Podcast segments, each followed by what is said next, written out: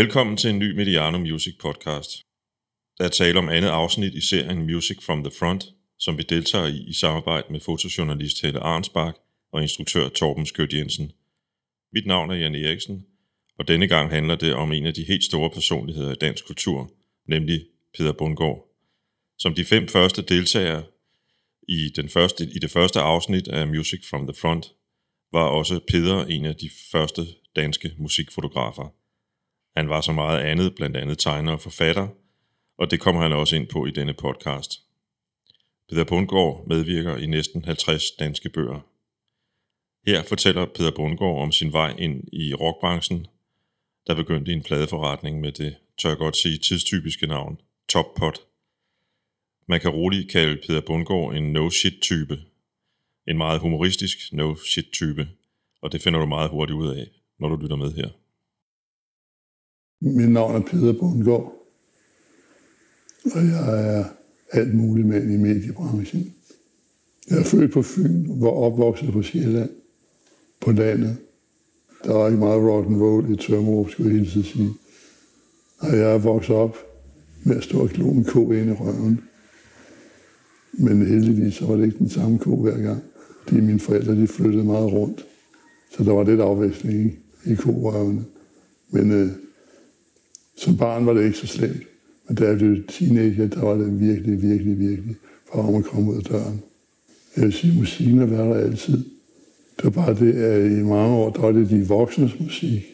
Der var det, øh, der, man, man, folk hørte jo radio dengang. Og det, man fik det som statsradio, fordi en ville sende til en. Og måske har det været Holger Fællesanger, eller Gustav Winkler, eller Birte Vilke, eller hakket Rakel i, eller sådan en. Senere kom noget, der var mere rock and roll. Det var Blue Boys og Fort X. Så det var, det, vi, vi lærte at være meget nørde nøjsomme i de år.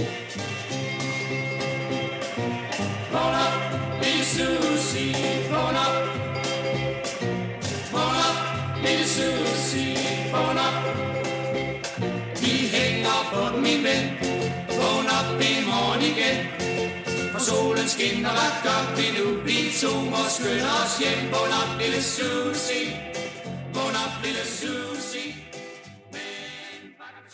Altså, der hvor, hvor impulsen kommer til at lave noget selv, den kommer fra tegneserier. Øh, men, men jeg vil fremhæve en, nemlig Anders Sand i Karl Barks udgaven. Det er simpelthen der, hvor den sender for mig. Det der impulsen kommer til, at det her, det, det vil jeg også prøve at lave. Det strejfede mig ikke, at jeg skulle lave musik. Det, der strejfede mig, det var at sådan en tegning. Og det var der mange af. Meget kan man sige om Karl Barks, men det er jo ikke, det er jo ikke Rembrandt. Han var ikke teknisk dygtig på den måde. Karl Barks talent bestod i at lave maksimal effekt med minimal indsats. Han udtrykte meget med lidt. Og det synes jeg, det var det, der fascinerede mig. Senere så kommer musikken også, øh, og da vi når til rock and roll, og Blue Boys og Ford X og Elvis Presley, øh, Little Richard, er simpelthen for mig et af de store åbenbaringer, et af de store lys i rockens historie. Jeg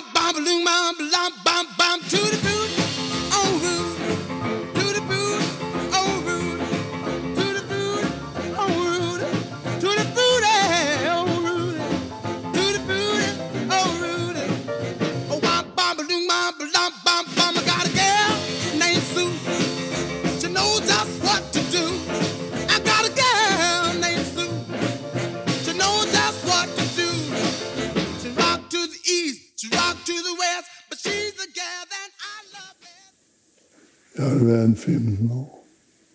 Jeg er født i 45. Jeg var i hvert fald meget øh, smerteligt bevidst om, at jeg var på landet langt væk fra alle de der ting. Min far var bonde og syntes, at jeg skulle overtage gården og føre den videre. Det gjorde man jo dengang på landet. Altså der var det kutume, at den ældste søn arvede gården og førte slægtens navn videre. Så jeg var ligesom dømt til det på forhånd. Og da det gik op for mig så småt, hvad det var for en revkage, jeg var havnet i, Jeg det svin ord, det laver det altså ikke med mig. Jeg vil gøre hvad som helst. Jeg vil gøre absolut hvad som helst for at slippe ud af den fælde her. Og det var indlysende for enhver, også for min far, at jeg var, ville blive en meget, meget, meget, meget dårlig landmand. Og han prøvede at hunse med mig og herse med mig og skælde mig ud og råbe af mig og få nogle fuldstændig titaniske rasser og hjælpfald, hvis jeg havde gjort et eller andet forkert. Men det gik op for ham, at der aldrig nogensinde ville blive en landmand ud af mig. Så derfor så var det i orden, da jeg var færdig med skolen, at jeg så fik en læreplads. Af alle steder i Holbæk, i boghandlen. Der var ikke nogen som helst tegn i sol og måne, til at jeg skulle have noget med musik at gøre. Så skete der det, at på det tidspunkt var jeg ligesom og ved at glide ud af popmusik, underholdningsmusik, slager, hvad det nu hed dengang alt sammen. Så skete der det, at Beatles kom.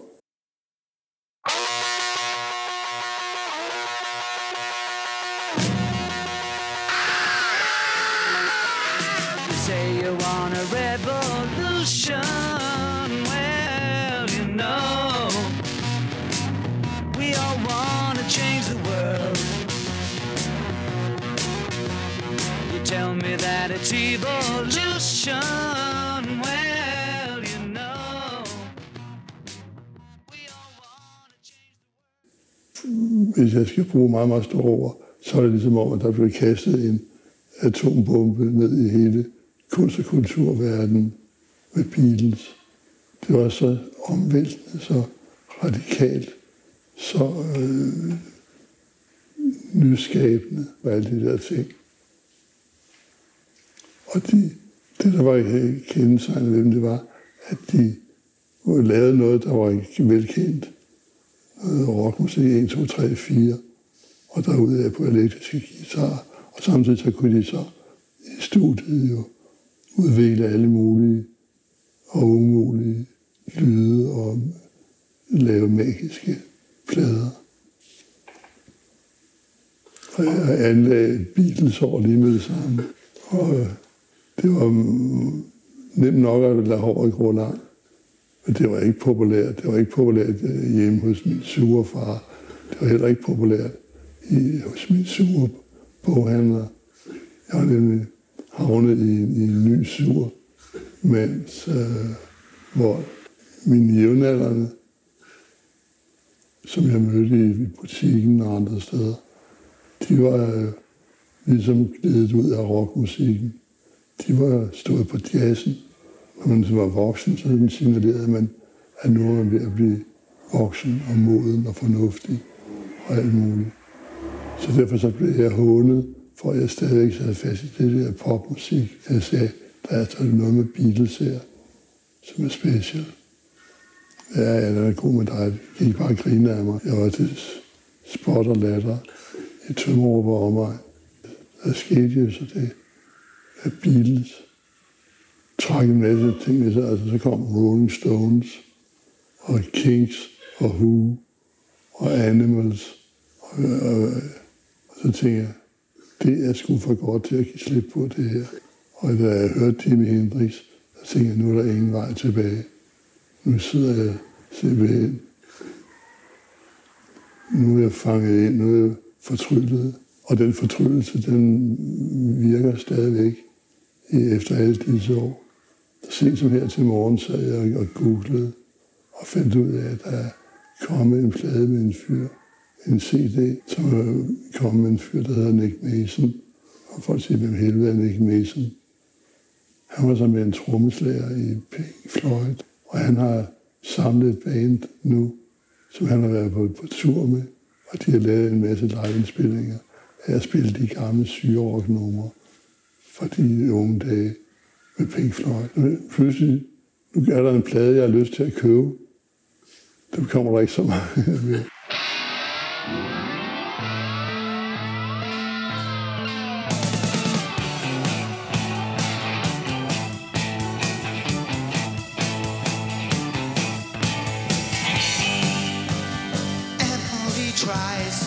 Misunderstands.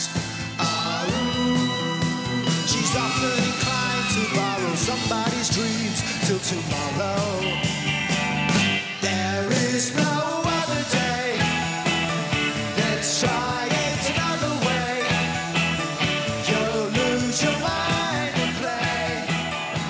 Ja, og på det tidspunkt var jeg blevet færdig med skolen. Jeg er blevet færdig med hvad hedder det, lærepladsen i Holbæk.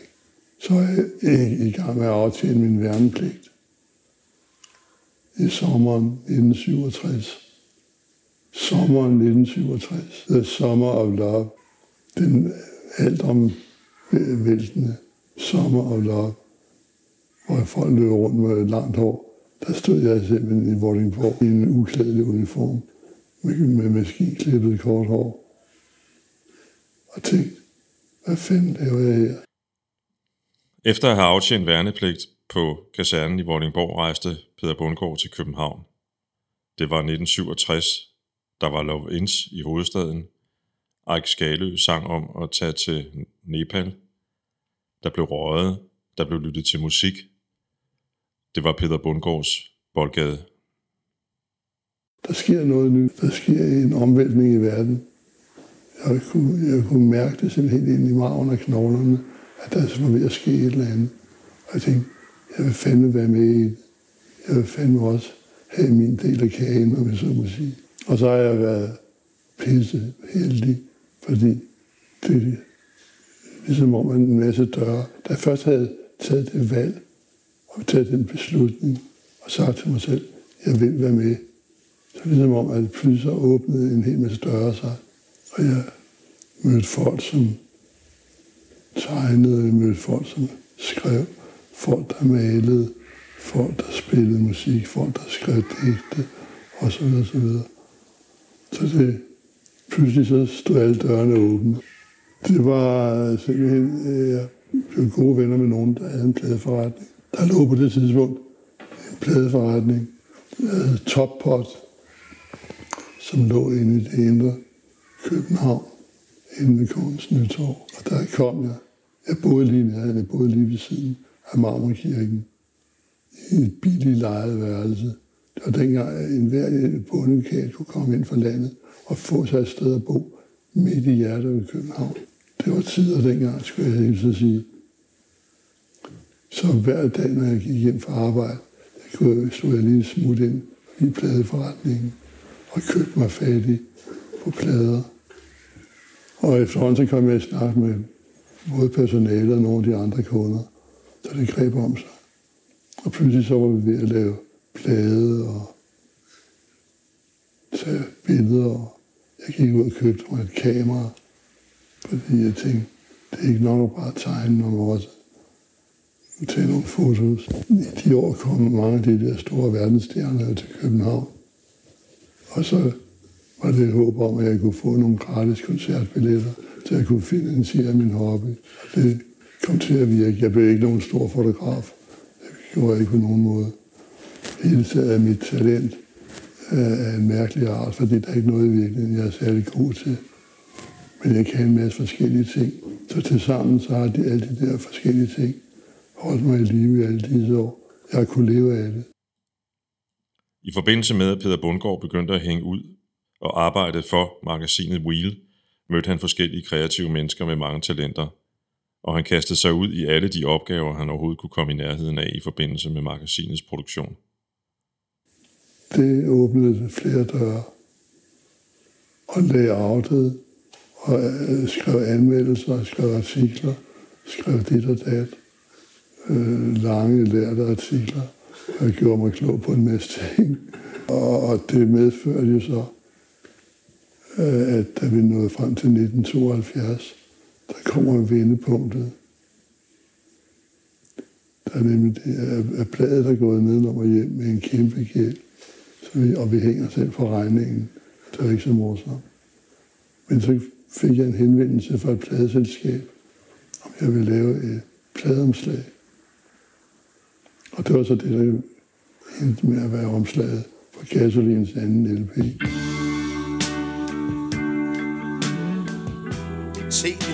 Fra tårnets top.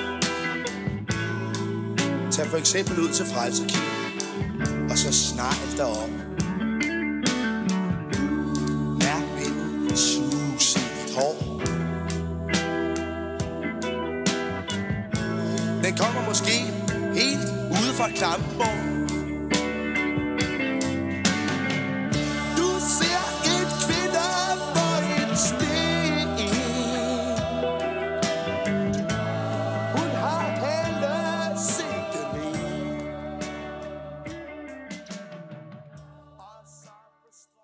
Den med, med en tegning af en fedtmuleagtig figur på forsiden, som er en tegning, der peger direkte bagud til Anders Hand.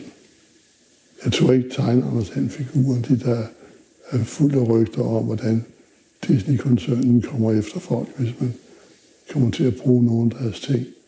Så jeg lavede en figur, der ikke var Anders Hand, men som var fra det univers. Og pludselig så begyndte min telefon at ringe med jobs. Og lige pludselig kunne jeg se, hey, der er sgu penge i det her.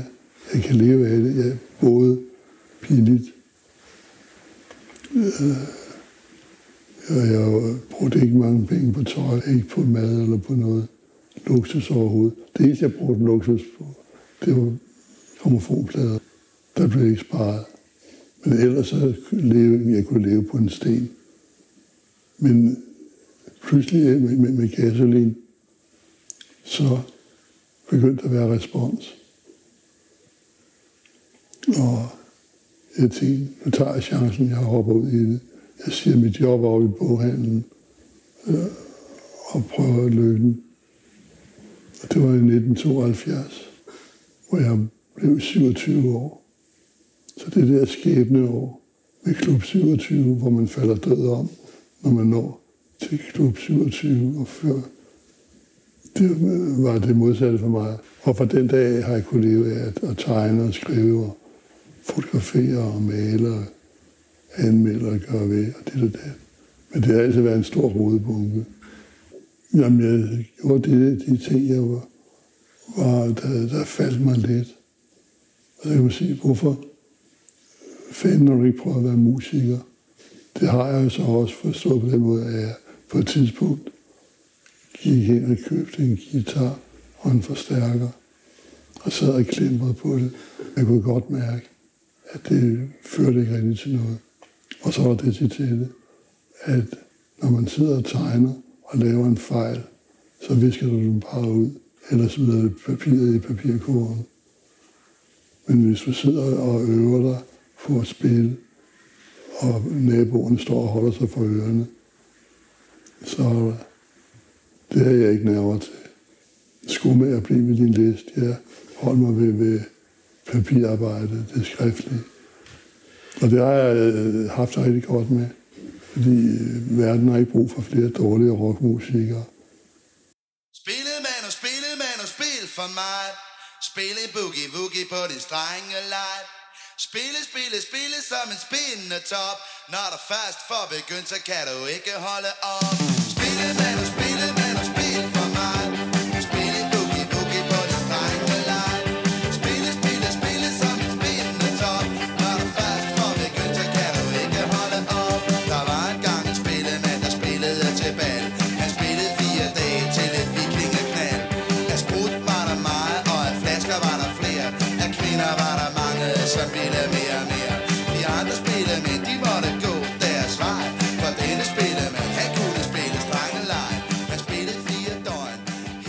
bladrer i kapitlerne om dansk rockhistorie, når man på et tidspunkt uundgåeligt til historien om samarbejdet mellem Gasolin, pladeselskabsdirektør Paul Brun og Peter Bundgaard. I dag kalder vi det pionerarbejde, men samarbejdet specielt med Kim Larsen var ikke altid ligefrem lige gnidningsfrit. Øh, der er ingen tvivl om, at, at jeg elskede gasolin. Og min marker på pladeselskabet, Paul Brun, som var producer, og som arbejdede tæt sammen med mig, når vi skulle lave omslag og sådan nogle ting. Der er ingen tvivl om, at Paul Brun også elskede gasolin. Men gasolin elskede ikke os. Vi, vi, vi levede på toget og opholdet i Kim Larsens univers. Det var så et univers, der var sjovt at være i. Jeg, jeg synes jo desværre, at Larsen endte som en sur gammel mand. Men i hans unge dage var han fandme morsom. Vitserne fløj simpelthen fra ham. Så derfor så var det til at leve med, at han også som ung var en sur mand, og han kunne blive rigtig, rigtig, rigtig, rigtig meget sur. Og han kunne også blive meget rasende. Han kunne få nogle raserianfald, som jeg simpelthen aldrig har set med ind til i hele verden nogensinde. Så det var også, og hvis ikke at tingene gik den vej, som han ville have, så kunne han altså virkelig hisse sig op. Så det var, det var hårdt. Og der var aldrig noget, der var godt nok. Jeg skulle altså lave det om og om og om og om igen 17 gange. Men både på Brun og mig, og andre også i øvrigt fra pladselskabet, elskede gasolin så meget, så vi fandt os i det. Vi var godt klar over, at vi var med til at opleve historiens vingens hus. Og det var en meget stor fugl, der stod og baskede med vingerne der. Sådan var det. Men jeg har jo så efter den der fedtmugfigur, så har jeg været involveret i alt, hvad der er kommet af plader fra Gasolin. Fordi der skulle jo samles fotos, der skulle laves tekster, der skulle trykkes, der skulle laves det, der skulle lave reproarbejde, tingene skulle sendes til trykkeren, og så videre, så videre. Og jeg var god til alle de der praktiske ting, og derfor så blev jeg for- øh, for- forfremmet på pladselskabet, hvor jeg for det første fik et fast arbejde med rigtig fast løn og feriepenge og hele lortet. Det havde jeg aldrig drømt om. Det, det undrede mig virkelig, virkelig meget, at jeg var kommet så langt. Men, men det var jeg. Og jeg fik en visitkort, hvor der stod Manager of Creative Services. Så det vil sige, at jeg var i firmaet, hvor jeg manden, der stod for alt tryksager. Alt det, der ikke var musikken. Paul Brun stod for musikken, men alt det andet udenom. Hele baduljen, han altså, det var så The Manager of Creative Services. Jeg, jeg kommenterede, at alt, hvad, hvad, hvad det pladeselskab havde fat i, kom ind over mit skrivebord. Sideløbende med sit arbejde på pladselskabet CBS fotograferede Peter Bundgaard stadig aktivt. Men det blev aldrig for alvor en karriere som fotograf, der kom til at trække i ham. Jeg prøvede også at sætte nogle billeder internationalt, og det lykkedes også at afsætte nogle til Melody Maker og til New Musical Express, to musikugeaviser, som havde hjemsted i London. Men det var ikke noget, jeg, jeg blev fed af. Det var heller ikke noget, New Musical Express blev fed af. Men jeg har, jeg har fortrykt. I sin egenskab af Manager of Creative Services skulle Peter Bundgaard få opgaven at designe et af de smukkeste danske pladecovers nogensinde, nemlig Sebastians, Anton, Gøjleren og de andre. Du kan se coveret her på vores site medianomusic.nu. Heller ikke samarbejdet mellem Sebastian og Peter var gnidningsfrit. Sebastian og mig svingede ikke ret godt sammen. Sebastian synes, at jeg var en, en rocknar, der gik og slikkede gasolin i røven. Og jeg var en rocknar, der gik og slikkede gasolin i røven. Men det betød ikke, at jeg ikke kunne arbejde sammen med andre. Men øh, uh, han, han var meget skeptisk. Og kemien med og, og det, det der omslag for det op at stå, det, det holdt hårdt. Og man kan, når man sidder og arbejder med stoffet, så er der ikke nogen, der forstår at skære ned, og nogen forstår at lægge på. Og Knud, som Sebastian jo hedder, Knud vil ligesom lægge på og fylde mere og flere detaljer på, og så skal vi huske det, og så skal vi det. Og den hedder Gøjleren, Anton og de andre. Der skulle være lidt af en gøjler, der skulle være lidt af Anton, der skulle være en hel masse med de andre, og så videre. Og jeg sagde, nej, nej, nej, nej, nej, det bliver simpelthen en rodepunkt, det holder ikke en meter. Vi skal den anden vej. Det ville han ikke. Tværtimod kom han med nogle meget detaljerede anvisninger med, at så skulle jeg tegne en sådan en, og tegne en sådan en, og en sådan en, og en sådan en, sådan en. Og er der noget, der er kedeligt, så er der tegne noget, som andre har fundet på. så det er ikke skide morsomt. Og så tænker jeg, hvad fanden gør jeg det her? Hvordan kommer jeg ud af den her. Så mødte jeg tilfældig en kollega, som havde hos en antikvar købte en, en pose gamle fotos. Hippier elskede at købe gamle fotos Sidder sidde og rode i gamle bunker og, og sidde og lave collager og ting og sager. Og jeg fik lov at rode i min gode ven, kollega, John Ovesen hedder han, som havde fået fat på det, en stak gamle billeder. Det var virkelig en postsæk fyldt med billeder. Det var helt ud over om det vanlige, at han havde skaffet sig det der. Det fik jeg så langt lov at i. Og jeg fik lov at vælge nogen. Hvis, jeg kunne bruge, hvis der er noget, du kan bruge til aftale, så bare tag. Jeg er rigtig af det. Og så så jeg, pludselig så lå den for mig på bordet. Den med klovnen, der løber på ski. Ikke på skien, men på skøjler på isen. Og tænkte, det er den. Men det var sådan en lille sort-hvid. Jeg skulle have den op i den her store farve. Og jeg skulle have forskellige ting på. Så jeg måtte fotografere den af og lave en kopi i stor størrelse, som jeg så malede med en airbrush, som på det tidspunkt var det mest moderne, man overhovedet kunne, hvis man skulle lave farve og repetus. Det var at have en airbrush. Jeg havde sådan nogle store ilterbrintflasker, trykflasker stående. Den der affotografering blev spraymalet efter alle kunstens regler. Og det, der gør, at den er så fed, det er, at den er super simpel. Og det skal så også med i billedet, at der sure Knud så den.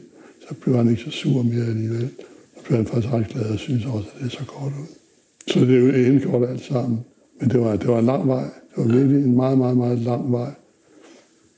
Og, og gasolin og Kim Larsen kunne også være lange veje, men jeg tror, i den her sammen, der tog Sebastian prisen.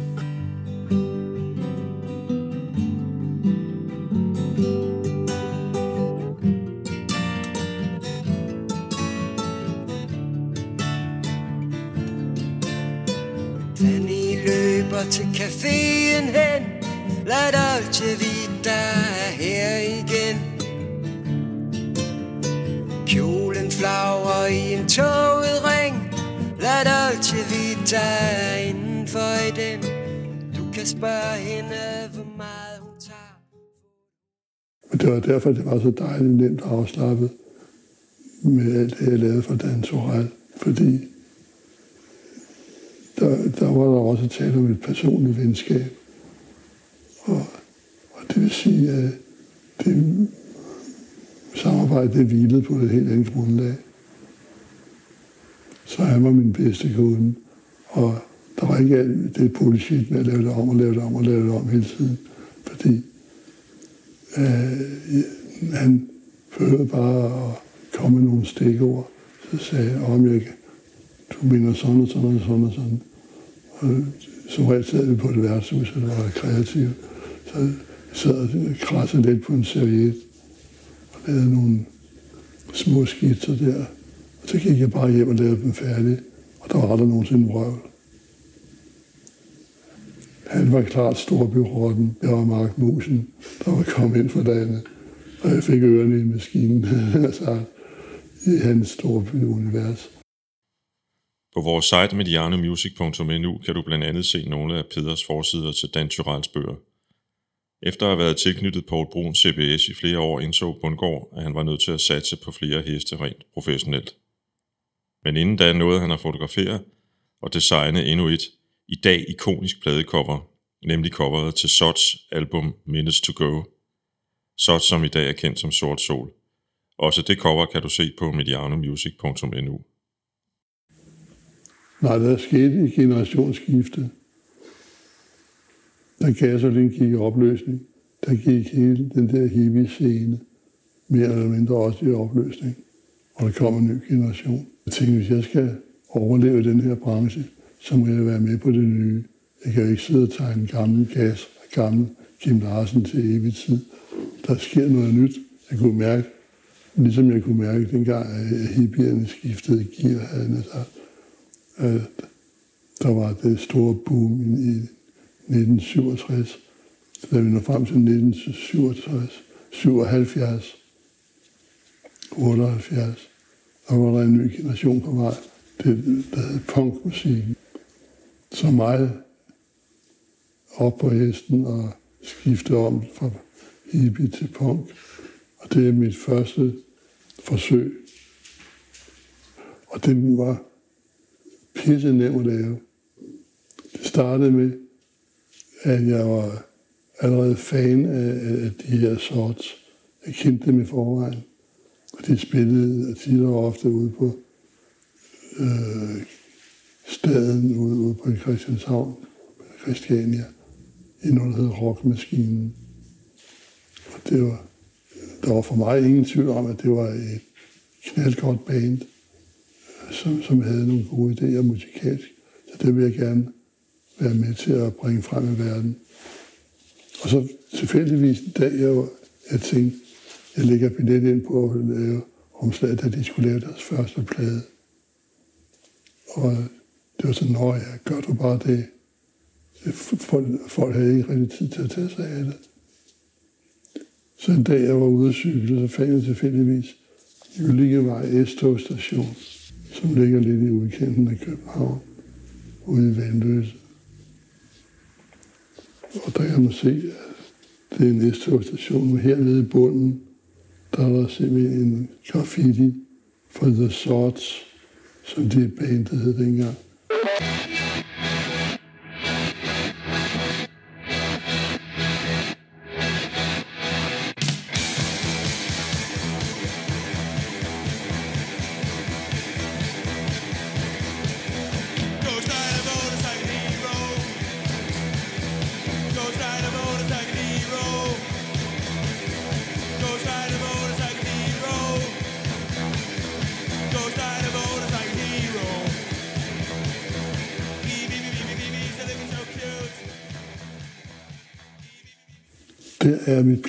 Pladeomslag, tænker jeg. Mig julede hjem i en eller helvedes fart, fattede mit kamera, julede tilbage i en endnu mere rasende fart. Jyllingevej lå der stadigvæk. Jeg tog et billede, eller jeg tog en hel rulle af det her, og tænkte, det er lige det, der er pladeomslaget til The Sots. Men da jeg så var kommet hjem, og rosen var ligesom dampet lidt af, øh, og havnet nede på jorden igen, så tænker jeg, at det er jo ikke nok. Det kan godt være, at det er skide flot rent grafisk, og jeg havde siddet og leget med det rent grafisk. Og så det S-togets S. Jeg havde taget S'et fra graffitien i sorts og så videre. Jeg synes selv, jeg var meget, meget kreativ. Men jeg tænkte, kører folk den, kører folk med et nyt navn, der hedder sorts. Der står med små bogstaver her. Og er komplet ukendte. Der er ingen, der er uden for, for rockmaskinen på Christianshavn. Og der er ikke nogen, der havde hørt om, om The Swords. Tænkt, den går sgu ikke. Så vi må have gjort drengene til nogle idoler, til nogle ikoner, som folk kan forholde sig til, og som signalerer, at det her er ny musik. Det er ikke hippie musik med blomster og sommerfugle og ting og sager på. Nu er vi i storbyen, storbydjunglen, med, med, med rå plakater og rå dit og rå dat. Så det var sådan. Så jeg fik lukket dem hjem og til at stille op, og, de, ville, de var meget svære at styre. Det var simpelthen som at have ikke en, men 10 sække lopper, fordi på det tidspunkt havde jeg rigtig meget kæmpe stor pladesamling. Og det synes, det var sjovere at rende rundt med, med poterne nede i min pladesamling, end det var at stille op og blive fotograferet. Det sidste så måtte jeg skælde dem ud og sige, at nu skulle de stå stille. Og nu er jeg nødt til at tage nogle billeder af dem, og det skulle jeg bruge til pladeomslaget. Og det var de ikke meget for, skulle jeg så sige. Men Jeg I dagens ending havde jeg investeret i et nyt teknisk vidunder. Et strakskamera, som spytter en film ud, så billedet fremkalder sig selv. Det synes jeg var skide smart. Tænk, det bliver, det bliver ikke mere avantgarde end det. frem med den der S76 Polaroid. S76 hed den, som er blevet et ikonisk kamera siden. Og det, det er nok ikke min skyld alene. Men det var, det var et, et værktøj for kreative sjæle dengang. Og der tog jeg en, en hel film, som var øh, en pakke med, med 10 skud i. Og da de så var rendt ud af døren, og jeg sad bagefter alene i ro med at jeg skulle sortere billedet og se, hvor, hvor pletskuddet var, så var der ikke noget pletskud. Jeg kunne have tudet, og jeg var lige ved, ved at rende efter dem ned på gaden og sige, kom tilbage, kom tilbage, og må tage en rulle til. Men jeg tænkte, nej, jeg må få det bedste ud af Og så fik jeg den impuls. Det var, at på det ene af billederne, der var de her to gode, og de andre var dårlige. Og omvendt på et andet billede, der var de her gode, og de her var dårlige. Så tog jeg en dyb indånding og en saks, klippede lige tværs igennem, lignede dem sammen igen, og tænkte, det er der sgu ikke nogen, der opdager. Og det er der ikke nogen, der opdager. Det er en hemmelighed, jeg, jeg hermed har afsløret. Ifølge bibliografi.dk har Peter Bundgaard skrevet eller medvirker i 44 bøger. Interessen for litteratur blev som nævnt vagt allerede, da han var dreng, og hans tid som lærling i boghandlen i Holbæk bekræftede ham kun i, at hvis han skulle beskæftige sig med bøger, skulle det være som skribent, og ikke som formidler af litteratur. Det var, jeg synes, det var højsygt at stå og sælge andre folks bøger. Og jeg tænkt, hvis jeg nogensinde skal have noget med det her lort at gøre, så skal jeg skulle skrive dem selv, eller jeg skal selv have en eller anden aktie i det på en eller anden måde. Jeg har skrevet noget, der ligner rundt regnet, har jeg skrevet 25 bøger. Det er så den samme bog hele tiden i nye, nye forklædninger. Øh, og jeg har den sidste, den her, jeg lover, at det bliver den sidste. Nu har jeg simpelthen, nu har jeg været nede og skrave på den og, og taget det hele. Men, men øh, jeg kan fortælle en anekdote, hvor jeg fortalte, øh, snakke om de her ting sammen med Peter Ingemann en aften et eller andet sted i projekthus eller ude på Christiania eller et eller andet sted. Og vi sad og førte dybe samtaler. Og så kom vi også med det der med musikere, der føler, at musikken strømmer igennem. Og det, det er ligesom en kanal for det hele, og det bare kommer til dem ovenfra. For vi snakker om, det var musik, billeder, kunst, som strømmer på nærmest guddommelig vis. Og vi har altså stået og talt os selv varmere helt op i de højere sfære. Så tager Peter Ingemann en dyb indånding og ser drømmene ud af vinduet og siger, vender sig om til mig og siger, ved du hvad, jeg skal fortælle dig noget. Så er det også med tallene. For ham, der var tallene lige så kosmiske og lige så magiske har med at gøre. Og så tænkte jeg, nu der vi er i gang med at betro så sagde jeg, det er sådan, jeg har det, når jeg skriver. Det kan godt være, at det ikke er hver gang, jeg sætter mig til tasterne. Men når det rigtigt kører, så er det som om skriften skriver sig selv. Og jeg kan sidde og skrive et helt kapitel i en bog, uden at ane, hvad det er, jeg har siddet og skrevet. Det, det, det, jeg skal nok holde min kæft nu. Det lyder lige kosmisk nok. Når det virkelig ruller for mig med skriveriet, så er det teksten, der skriver sig selv og kommer gennem tastaturet. Jeg er bare en kanal, der står for midlet. Så derfor, når, når folk danser ind på gaden siger, øj, men du har lavet noget, der var fedt, eller også hvis der var noget, der ikke var så fedt, jeg tænker, at det skulle bare vide. Det er slet ikke mig, der er den skyldige og ansvarlige. Det kommer et andet sted fra og strømmer frit, hvis man er åben for det. Selvom Peter Bundgaard i årene som pladeselskabsansat tilhørte det, han selv kalder rock-aristokratiet i cirklen omkring Paul Brun, valgte han i begyndelsen af 80'erne at søge nye græsgange. På det tidspunkt kunne han ikke vide, at han skulle komme til at medvirke i næsten 50 bøger, eller for den sags skyld leve af at tegne. Takket være Paul Brun, der var vi jo en del af aristokratiet på en eller anden led. Og man kan se det, når vi var, det var til Roskilde Festival i gamle dage. Det var kredsen omkring Paul Brun. Og jeg vil sige, at jeg blev forbigående øh, ked af det, og også bange for, at jeg kunne leve af det, da jeg holdt op i pladebranchen. Der havde jeg et års tid eller to, hvor jeg gik og suttede lidt på larven. eller stod nede i gården og knaldede bakker træerne for at betale huslejen. Og jeg tænkte, at det var sgu ikke længe det varede det her. Men pludselig, ud af det blå, kom der et tilbud, og hun blev ansat på Ekstrabladet. Lærte jeg at leve med, at man som freelancer har man opture og nedture. Så og det kan godt være, at jeg, jeg skulle have spillet min kort bedre. Jeg koncentrerer mig om en bestemt ting.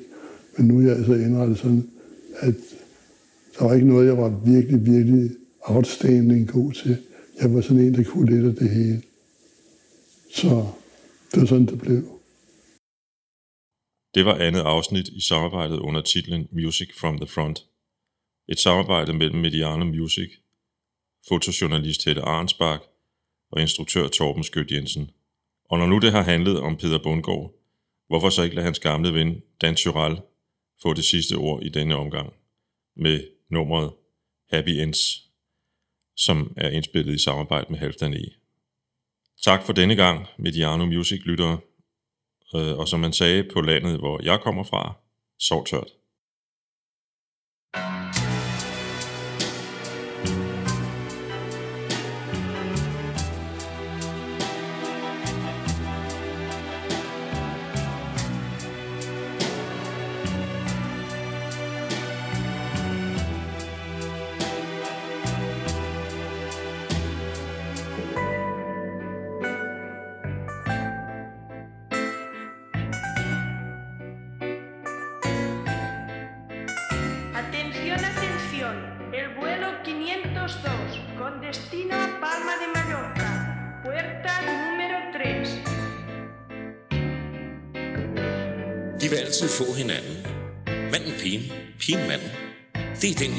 Kender. Se, hvor lykkeligt hun ender. De vil leve alle dage i en lykke uden mage.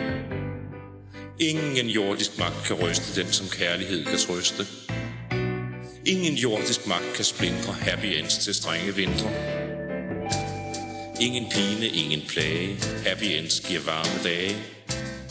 Ingen sorg og ingen gråd, happy ends den røde tråd. Ingen mumlen, ingen hylen, happy ends fyldt i kanylen. Ingen angst og ingen frygt, happy ends gør alting trygt. Ingen tvivl og ingen nagen, happy ends er bare sagen. Ingen splid og ingen strid, happy ends til hver en tid.